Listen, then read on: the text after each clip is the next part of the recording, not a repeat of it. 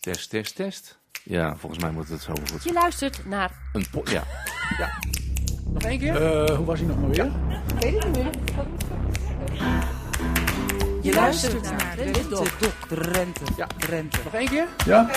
Je luistert naar Drenthe. Doc. Een podcast van RTV Drenthe. Ja, dit is Drenthe Doc, de podcast van de Drentse regionale omroep met de mooiste Drentse verhalen die ooit zijn uitgezonden op Radio Drenthe. Ik heet Marjolein Knol en eens in de maand duik ik de radioarchieven voor je in en zorg er zo voor dat die ene documentaire of dat ene hoorspel ook als podcast nog eens te beluisteren is. Over de radiodocumentaire die je zo hoort is destijds veel te doen geweest. Voor het eerst maakte de journalist namelijk mee dat betrokkenen zo ontevreden waren over zijn radiodocumentaire dat ze een rechtszaak tegen hem wilden aanspannen. Omdat zij vonden dat ik eh, eigenlijk niet eh, goed mijn werk had gedaan. Dus Dat is Vatos Vladi. Hij maakte de radiodocumentaire Niemand leeft voor zichzelf. Aan het eind van het programma heb ik een kort gesprek met hem. Maar eerst Niemand leeft voor zichzelf. Voor die radiodocumentaire volgde de journalist een jaar lang de Adventskerk in Assen. Deze kerk is sterk vergrijsd en staat volgens Vladi model voor vele protestantse kerken in Nederland. Vier jaar geleden won de radiodocumentaire nog de NL Award voor beste achtergrondradioprogramma. De jury schreef: Vanaf het eerste moment krijg je als luisteraar de juiste sfeer mee. Je staat letterlijk in de kerk. Met de kerkmuziek en het gekuch van de oude kerkgangers op de achtergrond. De interviewer is persoonlijk geïnteresseerd en zorgt voor een consistent verhaal. Ook durft hij kritisch te zijn en door te vragen. Of ze gelijk hebben? Luister en oordeel zelf. Gemeente, voor een moment van gedachtenis wil ik u verzoeken om te gaan staan voor zover u dat kunt.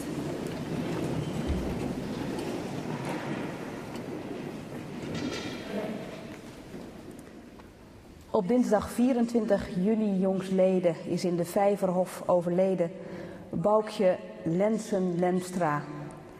Ze is 86 jaar geworden. Sinds 2007 is zij weduwe van Arend Lensen. Niemand leeft voor zichzelf. Niemand sterft voor zichzelf. We leven en sterven voor God onze Heer. Aan Hem behoren wij toe. Deze woorden, ook van Paulus, vinden we in lied 961.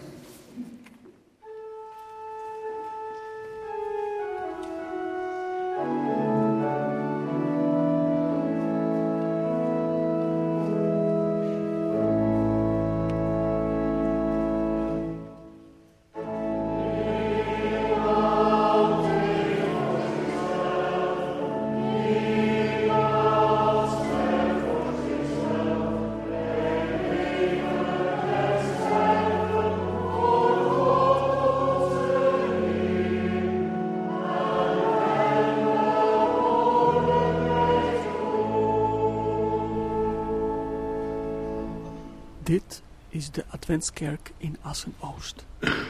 Nooit eerder heb ik zo'n grijze kerk gezien. De meeste kerkleden zijn ouder dan 65 jaar. Hun kinderen hebben de kerk verlaten en hun kleinkinderen kennen de kerk niet. Hoe is het zo ver gekomen?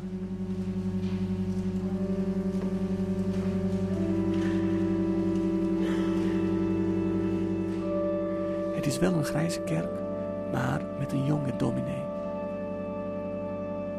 Ik ben eh Helene van Noord en ik ben sinds ehm, 2008 werkzaam hier als predikant in de Adventskerk in Assen. Wat leeft in de kerk op dit moment? Het voortbestaan van de kerk. Want als je gewoon als nieuwkomer kijkt naar de groep mensen die er zit en je ziet allemaal mensen op leeftijd, dan kan ik mij voorstellen dat je eerste gedachte is: dit duurt niet zo lang meer. Dus wat er leeft, bovenhuids of onderhuids, is een bezorgdheid van mensen van hoe lang duurt dit nog? Hoe lang kunnen wij dit nog doen?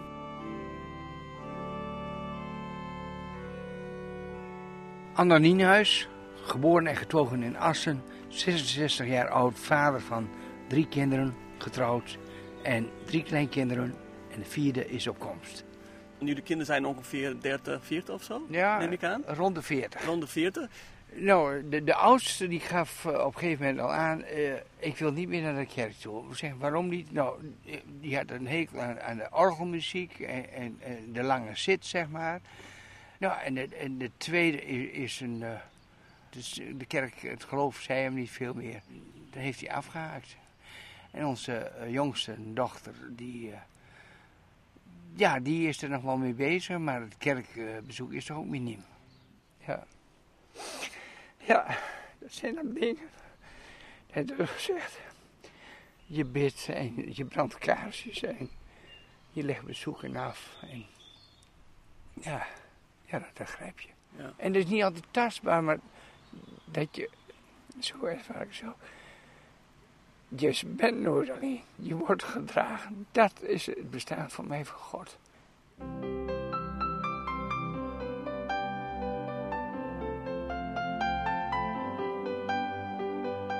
De oudste zoon van meneer Nienhuis is bereid om met mij te praten, maar zijn voornaam mag ik niet gebruiken. hoe, hoe erg hij het misschien ook vindt dat, eh, dat ik niet meer geloof, hij eh, zal dat moeten accepteren. Net, net zoals hij moet accepteren dat er ook andere tegenslagen in het leven zijn, is dit ook een enorme tegenslag voor hem in het leven. Ik had in eerste instantie eh, afgesproken om hier samen met je vader te komen, maar je vader kwam niet. Weet, weet je waarom?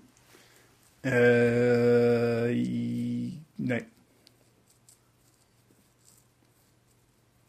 Ik eh, merk dat, eh, dat je vader, eh, als hij over jullie ongeloof vertelt, dat hij heel emotioneel wordt. Als je, als je hoopt dat je je kinderen in, in een eventueel volgend leven ook weer ziet en zij gaan daar niet in mee, dan is dat toch een vorm van afscheid nemen al. En, ik kan me voorstellen dat zij daar dan heel erg mee zitten. Afscheid nemen van? Nou, eh, kijk, als zij zegt van wij, eh, eh, wij hebben een eeuwig leven, want wij geloven. En ik zeg ik heb geen eeuwig leven, want het leven houdt op na het aardse bestaan. Dan, dan is het in die zin al een afscheid dat ik, als ik sterf, eh, hun niet meer tegen zal komen. En zo zien zij dat dan, dat, dat er dan een afscheid volgt.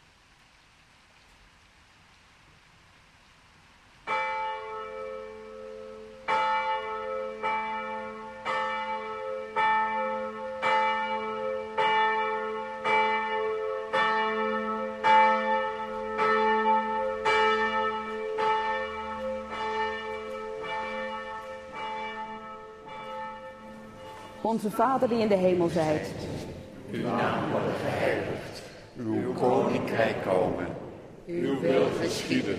Gelijk in de hemel, als op de aarde. Geef ons heden ons dagelijks brood. En vergeef ons onze schulden.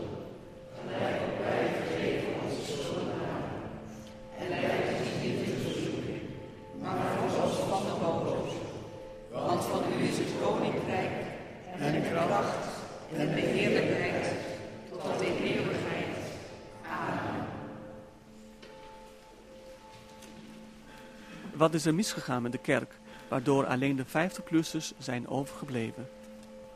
Er was laatst bij mij iemand in de kerkdienst. Die eh, eh, zat helemaal achterin. Ik had hem al zien zitten, een jong iemand. En die- hij, hij zat eh, lekker onderuit gezakt en zo. En een rugzakje naast zich.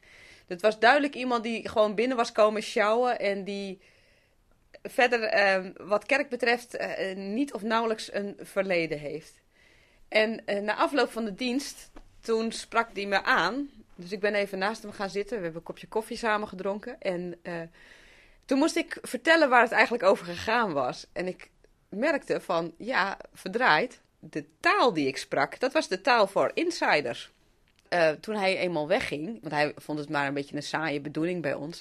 Ik denk van, ja, dit was wel even een pijnlijk moment voor me. van, En de gemiste kans?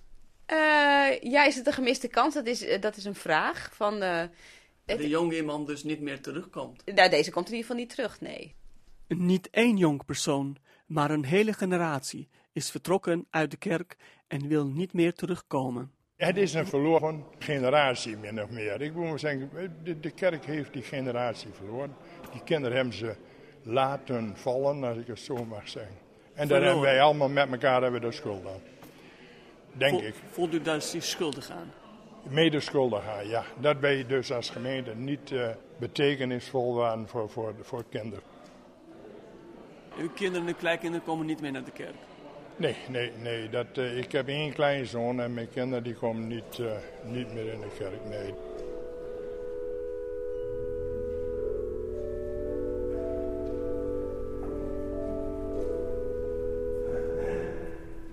Ik ben dus eh Ja Bos en ik ben geboren 26 8 45.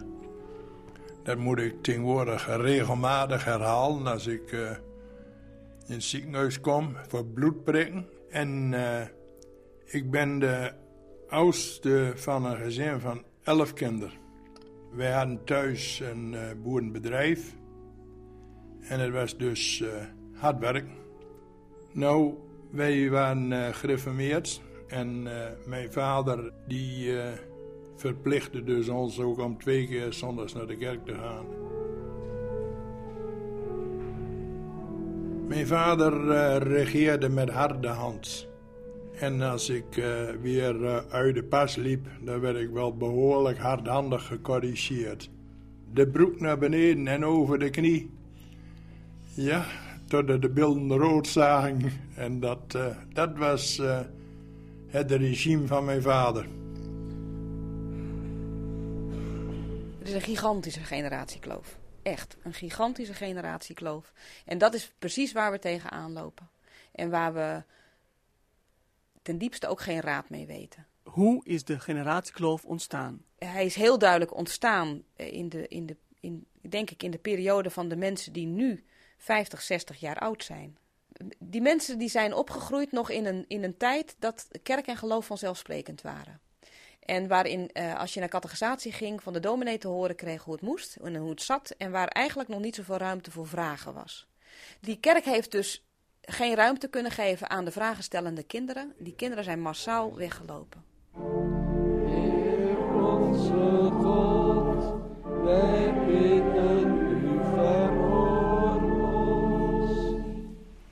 ga nog niet dags van een gebed. U bidt? Ja. Oké. En ook altijd voor onze kinderen. Ja. Ja. Maar iemand zei eh, van de kerk, dit is de verloren generatie. Ja, helemaal mee eens. Het, het gat in de kerk, ja, wij, wij zijn een generatie kwijtgeraakt. En dat hebben we te laat die signaal opvangen van hoe gaan we daarmee om. Hè? Ik heb dezelfde ogen. En ik krijg jou trekken om mijn mond. Vroeger was ik driftig. Vroeger was jij... Waarom eh, zou het christelijk geloven de juiste zijn en waarom zou Boeddha niet de juiste zijn? En eh, waarom zou je geloven in een hogere eh, God? Zou dat echt waar zijn? Heeft dat waarde? Of is het niet gewoon zo dat, dat je hier op aarde leeft en daar moet je het mee doen? Deze vragen van zoon Nienhuis zijn te veel om in één keer te beantwoorden. Vragen stellen is niet langer het probleem. Tegenwoordig mag je in de Adventskerk alle vragen stellen. De antwoorden krijg je echter niet, want de vragen zelf zijn belangrijker geworden dan de antwoorden. ja, ik moet toch bij die adventskerk blijven. Van, daar komt een club mensen bij, bij elkaar die het allemaal niet weten. Die alleen maar, eigenlijk alleen maar vragen hebben en niet zozeer op zoek zijn naar het finale antwoord. Omdat die vragen die ze stellen aan het leven, die vragen zijn hun dierbaar. Gemeente, voor een moment van gedachtenis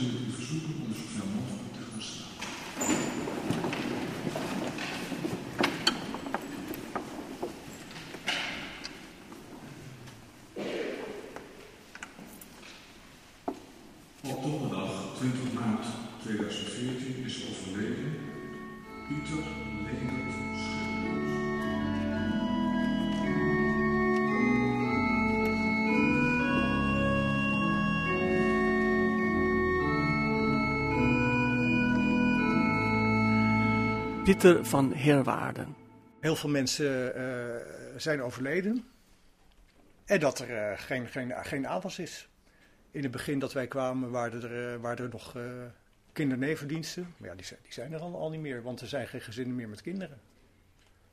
Dus ja, dat, uh, voor, een voor iedere organisatie is zoiets natuurlijk een probleem. Hè? Niemand leeft voor zichzelf. Niemand sterft. Wij leven en sterven voor God onze Heer. Aan Hem behoren wij toe. Ik weet nog niet wat de hoofdreden voor de leegloop van de kerk is. Zijn het misschien de ouderwetse muziek en de rituelen tijdens de kerkdienst? Dat gaat zo snel. Uh, je had de pop en, en de soul en, en, en de blues en, en, nu heb je uh, de hip-hop en, en uh, nou, noem maar op. wat voor muziekstroming. Daar kan een kerk, kerk niet bijhouden.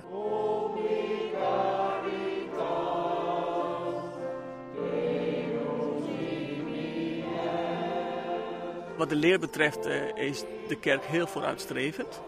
Maar de muziek is hetzelfde gebleven. Hoe kan dat? Dat heeft met de samenstelling van de kerkelijke gemeente te maken. Uh, uiteindelijk lijkt het wel alsof de, de vorm belangrijker is dan de inhoud. Ik weet niet uh, of dat belangrijk is. Zo lijkt het. Ja, men staat nog wat dat betreft in die traditie.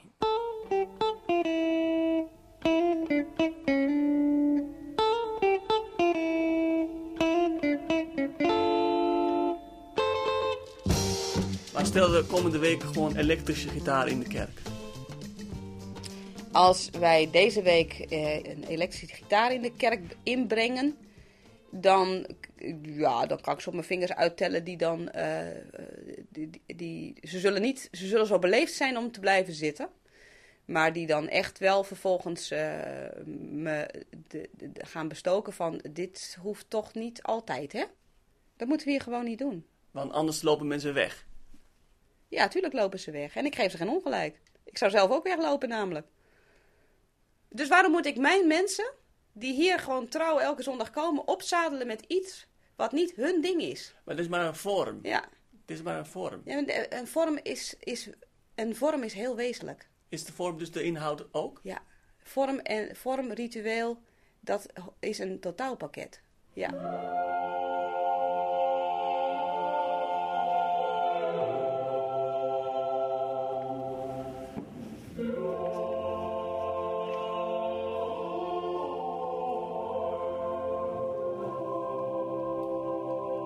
Ik ben Willem Kersies. Ik ben 66 jaar.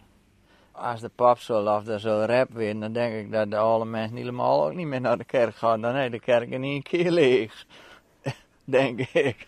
Dus of de oudere lieden en de oude mensen daarbij, of veranderen en dan gaan de oudere mensen weg. En dan komt de jongeren, denk jij? Ik denk persoonlijk van niet. ik denk niet dat dat dat dat de oorzaak is dat, ik, dat de kinderen niet meer in de kerk komen. Als het niet de muziek is, wat is dan de reden voor de leegloop? Ja, nou, dat is ook uh, een landelijke, helaas een landelijke tendens dat de middengroep heeft afgehaakt in, in, uh, in uh, Peken en kerken. hebben, hebben deels ook aan zelf te wijten door het fusieproces. Dat heeft 40 jaar geduurd.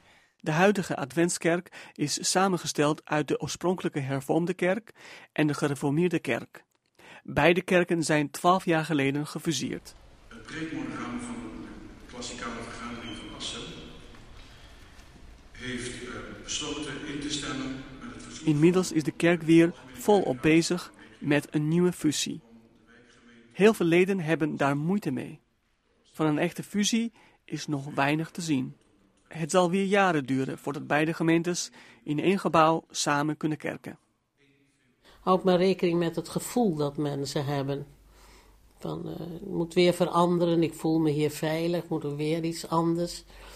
Ik heb laatst gezegd, ik ben verandermoe. Uh, jullie doen maar.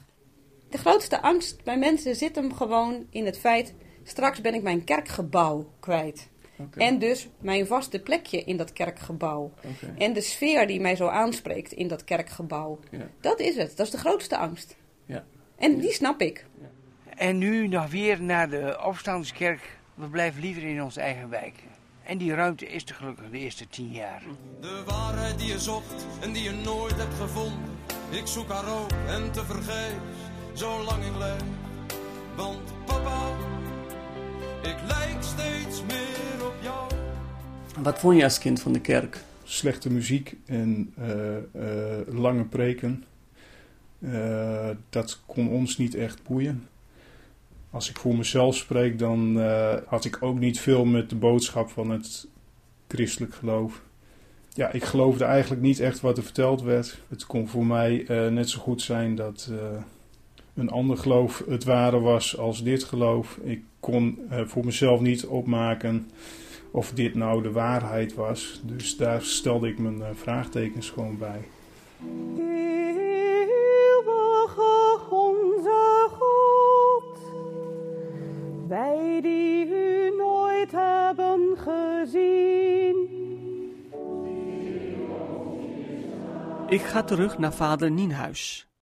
Ik heb uw oudste zoon gesproken en hij heeft ook een eh, boodschap eh, voor u.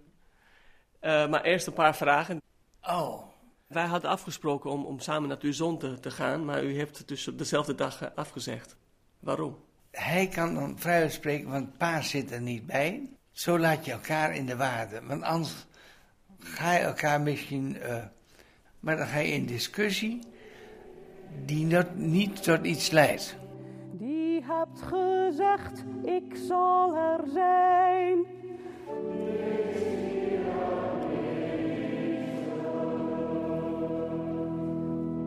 Waarom kunnen jullie dus de, de jongere generaties niet bereiken?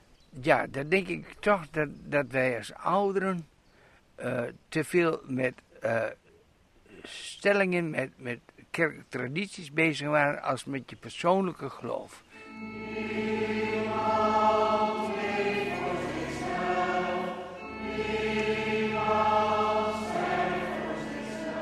Wat geloven deze mensen eigenlijk? Hoe geven ze vorm aan hun geloof? Ja, dat vind ik een heel moeilijke vraag. Wat geloof je precies?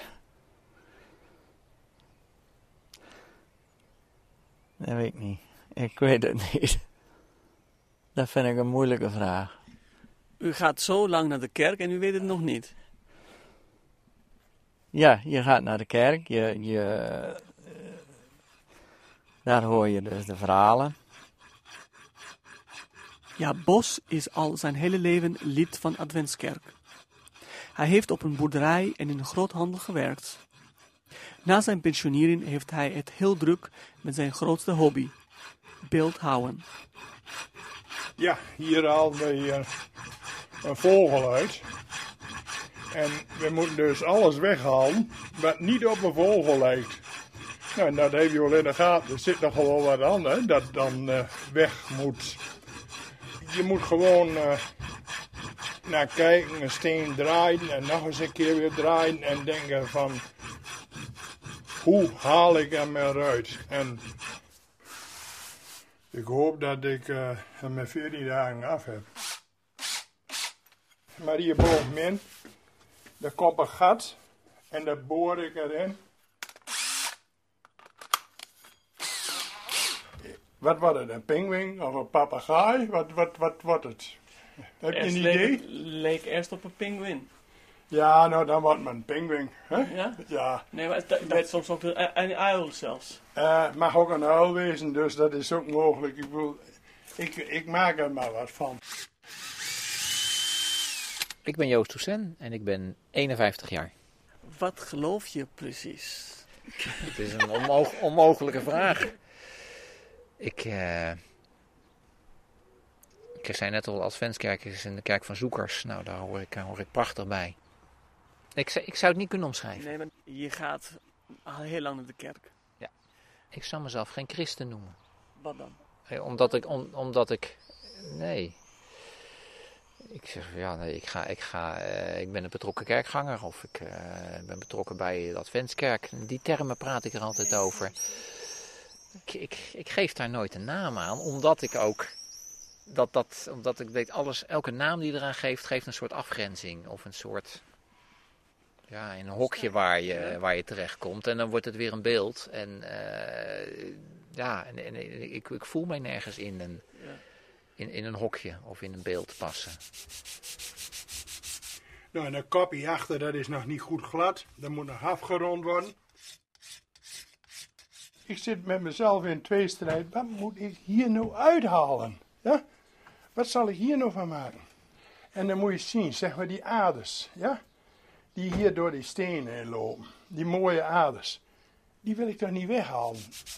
Nog even over de vogel. U zei dat het eh, een papegaai wordt. Nu lijkt hij op een pinguïn. Eh, ook een beetje op een uil. Ja, waarom maakt het niet uit wat het wordt? Ik vind het alles mooi om te maken. En eh, ik hoef daar niet een uil maken. Ik hoef geen pinguïn maken. Ik luister naar de steen. De steen die geeft het in wezen aan. Ja. Maar hoe luistert u naar de steen? Dat begrijp ik niet. Het is wel de steen die geeft aan. Die bepaalt wat het beeld dat eruit komt. Ja, daar ben ik helemaal van overtuigd. Ik wil graag weten, wat geloven jullie eigenlijk precies? Ik heb tegenwoordig vaak neiging te zeggen van eh, niks en van daaruit kan ik weer wat gaan geloven, laat ik het zo zeggen. Het is uiterst vaag, oké. Oké. Ehm, nou, goed. Ja, geloof jij in de opstanding van Jezus? Nou, mm, nee, niet letterlijk hoor, eerlijk gezegd. Niet, niet letterlijk.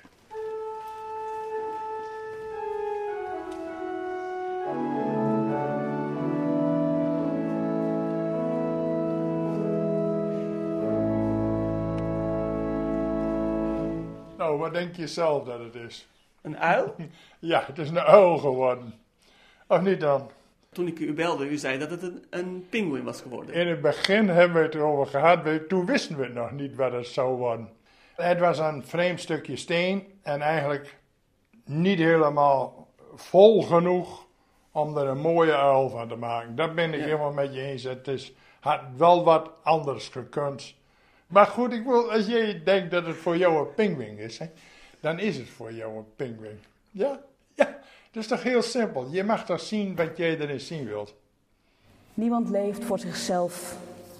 Niemand sterft voor zichzelf. We leven en sterven voor God onze Heer. Aan Hem behoren wij toe. Wat is de reden dat de jeugd wegblijft? Wat is het kernprobleem van de Adventskerk?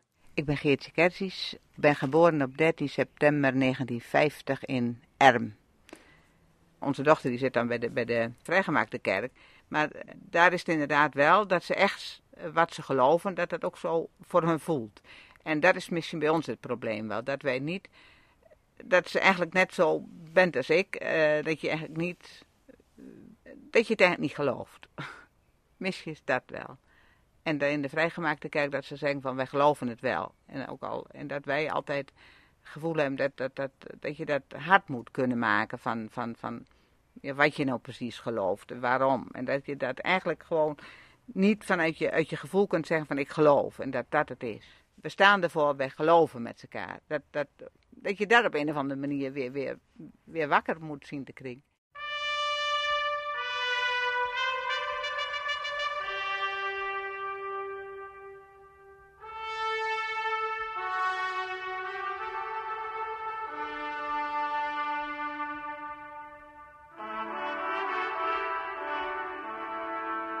Terug naar vader Nienhuis.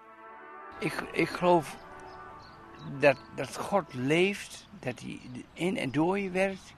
Ja, maar ik, ik wil graag weten of u dat gelooft, dat Jezus echt uit het graf is opgestaan.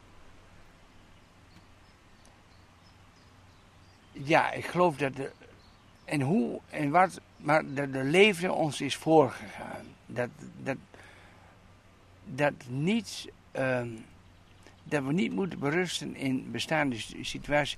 Opstaan, altijd weer opnieuw beginnen. Ik denk dat Eh, ja, hoe moet ik dat begrijpen? Dat- u dat niet weet of u dat niet gelooft? Ik kan het niet bevatten. Ik wil het wel geloven, maar het gaat mijn, mijn eh, menselijk denken te boven. Nou ja, ik ken de Bijbel ook een beetje. Eh, en Paulus zegt, als Jezus niet opgestaan is, dan is ons geloof voor niks. Ja. Dan, dan heeft het christendom geen zin meer. Wat vindt u daarvan? Maar ja, ik geloof meer in, in de eh, levende Jezus. eh, en ja, dan is het toch de opgestaande, omdat hij eh, onze inspiratiebron is. Dus hij is opgestaan. Als je zo doorvraagt, ja, dan geloof ik in een opgestane Heer.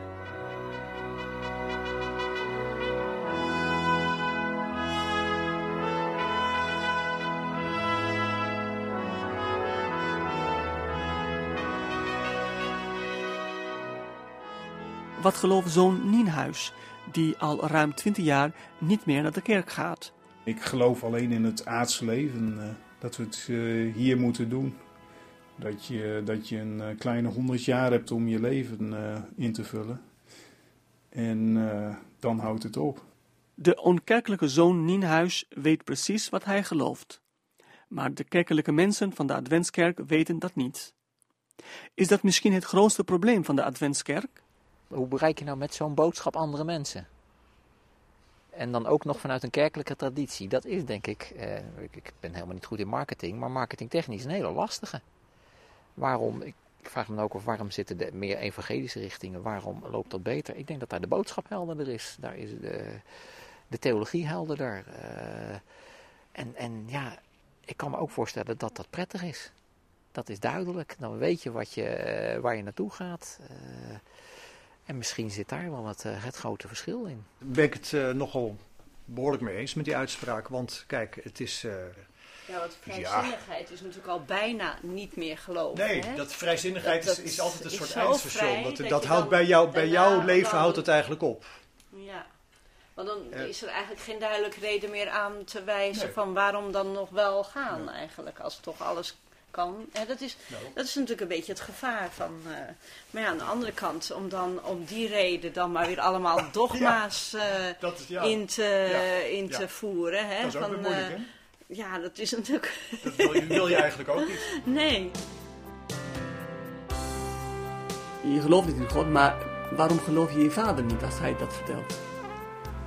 Nou, ik- ik heb hem in het begin dus wel geloofd, tot, tot een bepaald punt. Naarmate ik ouder werd, eh, was mijn mening toch wel dat geloven voor mij geen zin heeft. Hoe ben je tot die conclusie gekomen? Eh, nou, in eerste instantie door eh, gezond verstand, noemen ze dat. Heeft je vader dan geen gezond verstand? Ja, nou, ik zeg niet dat hij niet gelijk heeft. Stel voor een moment dat hij gelijk heeft. Ehm, wat dan? Nou, dan eh, feliciteer ik hem en eh, dan is er verder niks aan de hand. Jawel, Want als hij gelijk heeft, dan komt hij naar de hemel. ja, als je in de hemel gelooft, dan zou hij in de hemel komen. En, eh, ja. en als je in de hel gelooft, zou ik in de hel komen. Maar daar geloof ik zelf niet in. Dus ja, dat heeft voor mij dan geen waarde. Het heeft wel gevolgen. Ja, ja maar die, die, die gevolgen geloof ik ook niet dus.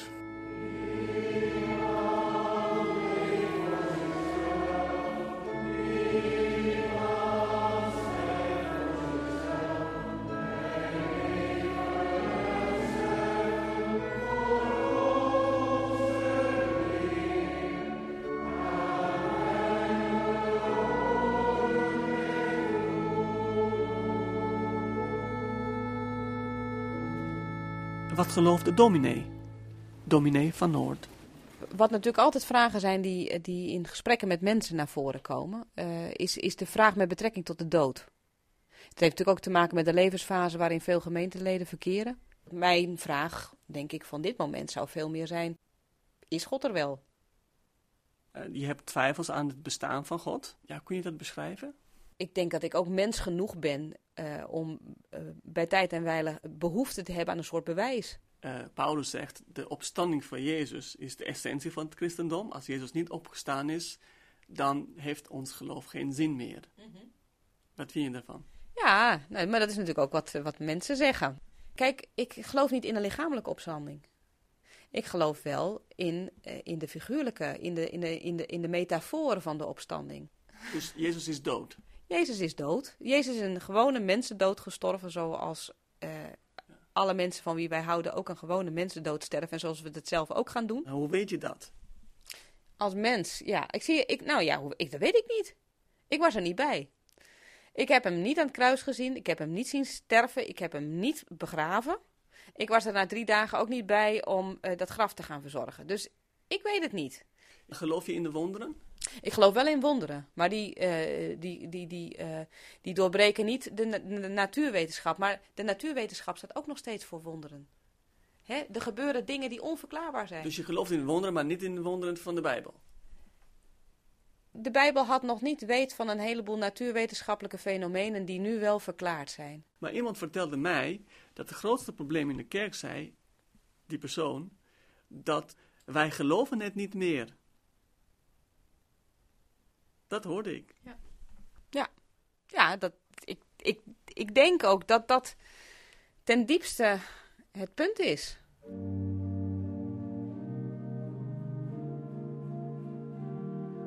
Vader Nienhuis. Ik, ik zal in vertrouwen sterven. Maar, en, en ik weet dat ik opgevangen word. Hoe en wat, ik laat het maar over. Ik, ik ga me daar ook niet in verdiepen. Ik, ik, ik, ik hoop dat ik op mijn sterfbed rust kan sterven en mag uitzien naar de overkant. Eh, In hoeverre heeft het u dat verdriet dat de kinderen dat niet hebben meegekregen? Nou, je merkt, ik, ik, net heb ik ook de tranen weer in de ogen staan. Dan denk je van, je wil het zo graag overbrengen. En, en je leeft het voort en je bidt daarvoor. En, maar we hebben het zaad gezaaid en we mo- de oogst moeten we maar aan God overlaten. Ja, ik heb een eh, boodschap eh, van eh, uw zoon en eh, ik laat het u luisteren even. Ik hou van je pa en eh, hier moet je het mee doen en eh, ik zal je nooit in de steek laten. Jij gelooft in God, dus jij gaat naar de hemel.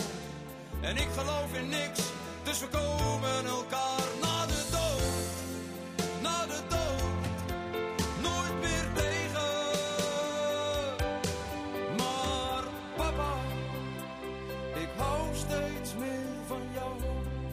Wij houden van elkaar. En eh, maar de meeste van deze drie is de liefste. Zo is het toch ook. En de heerlijkheid tot in eeuwigheid. Amen. Er is iets wat, ons, wat we nodig hebben om op de been te blijven. Een heel duidelijk voorbeeld wat ik gewoon altijd, altijd ervaar hier als wij eh, avondmaal vieren. Het brood uit de hemel dat wij breken en delen met elkaar en de wereld. Zoals Jezus Christus ons voordeed. Dan staan we in een kring in de kerk. En je kunt elkaar dus eigenlijk zien.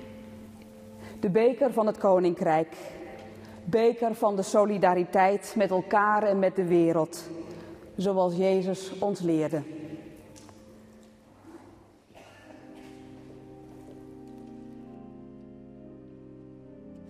Je deelt met elkaar in feite het, het leven. Je hoop en je wanhoop. En je, je vreugde en je verdriet. En eh, dat moment, dat is niet vast te pakken. Dat, dat is ook alleen maar te vieren. En elke keer weer gebeurt mij dat. Dan, dan zie ik dat. Ja, ik moet.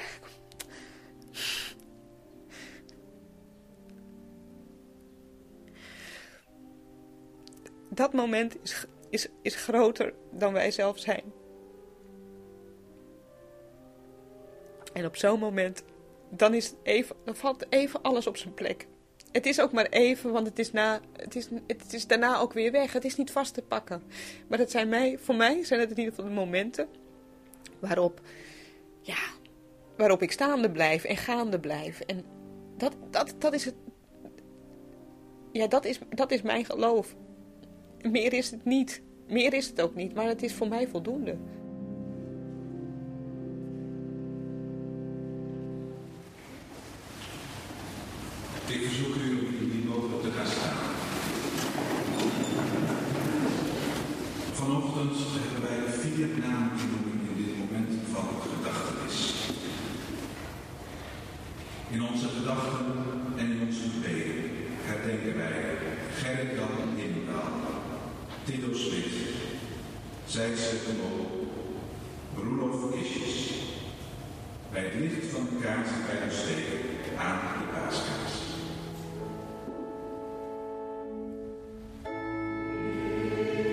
Leeft voor zichzelf.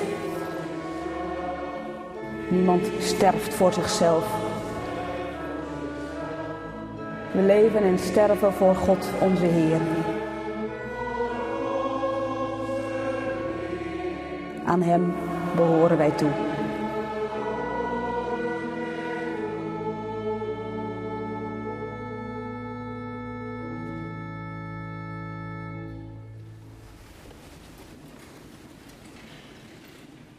Je luisterde naar Niemand leeft voor zichzelf, een radiodocumentaire van Vatos Vladi.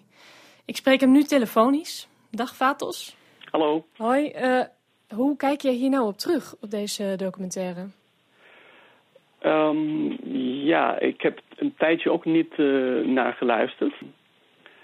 Eh, ja, op, ja, ik ben wel tevreden met de documentaire. Dus, ehm,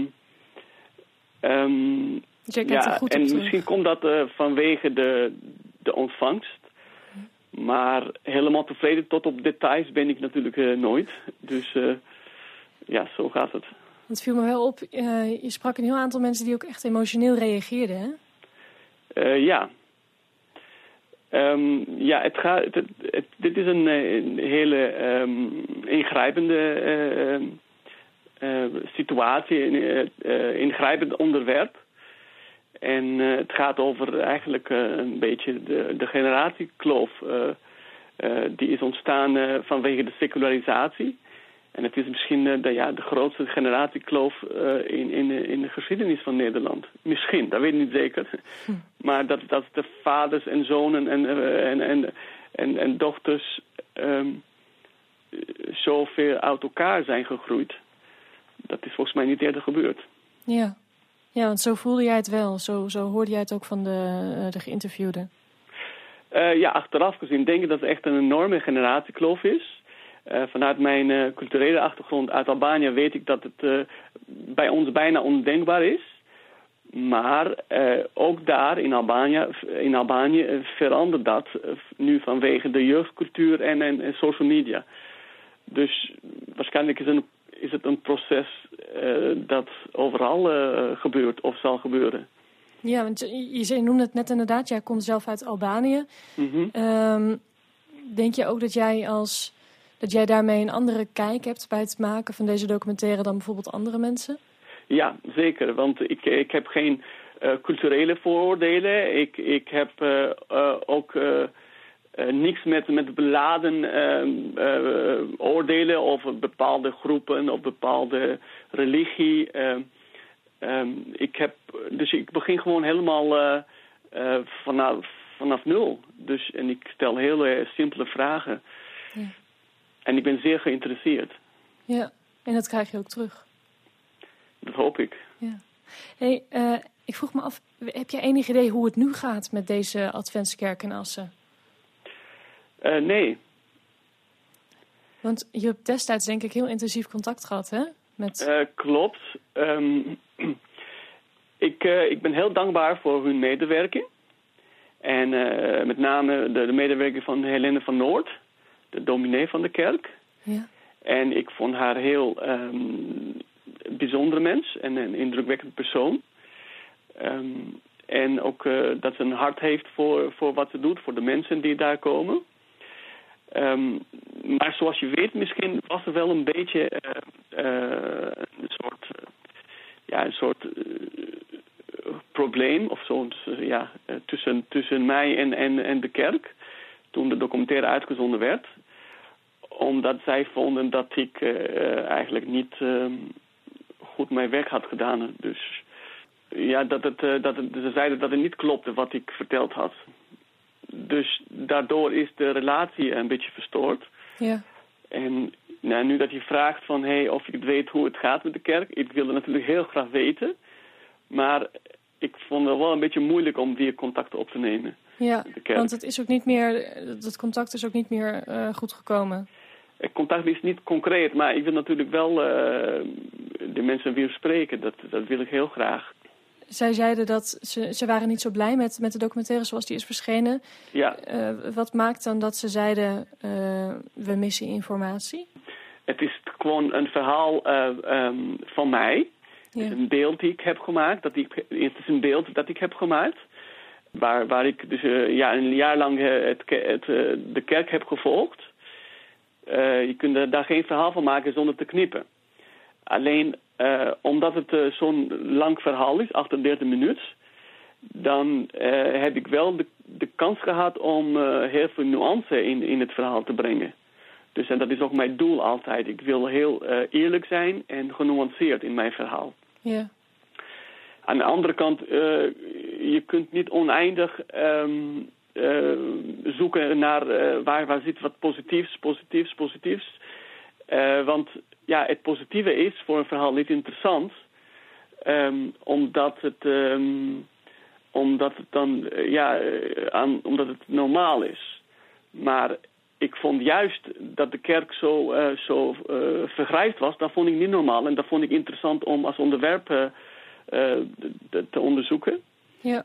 En dat was eigenlijk het, eh, het thema van, mij, van mijn documentaire. Dus eh, de vergrijzing binnen de kerk en de generatiekloof. Ja, en daar had deze kerk niet helemaal op gerekend dan? Ehm, ik weet het niet.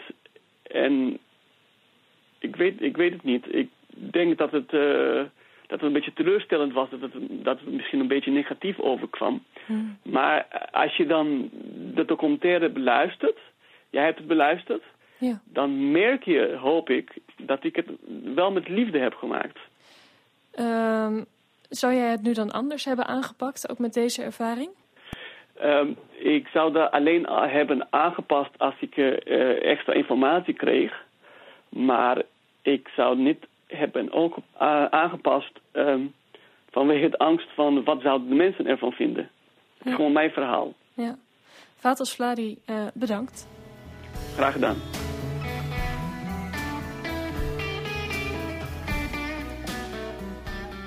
Dit was Drenthe Doc, een podcast van RTV Drenthe waarin we de mooiste radioverhalen nog eens opzoeken in ons archief en beschikbaar maken als podcast. Met dank aan Sander van Wees, mijn collega die het hele radioarchief doorspit en zonder wie deze podcast niet mogelijk is.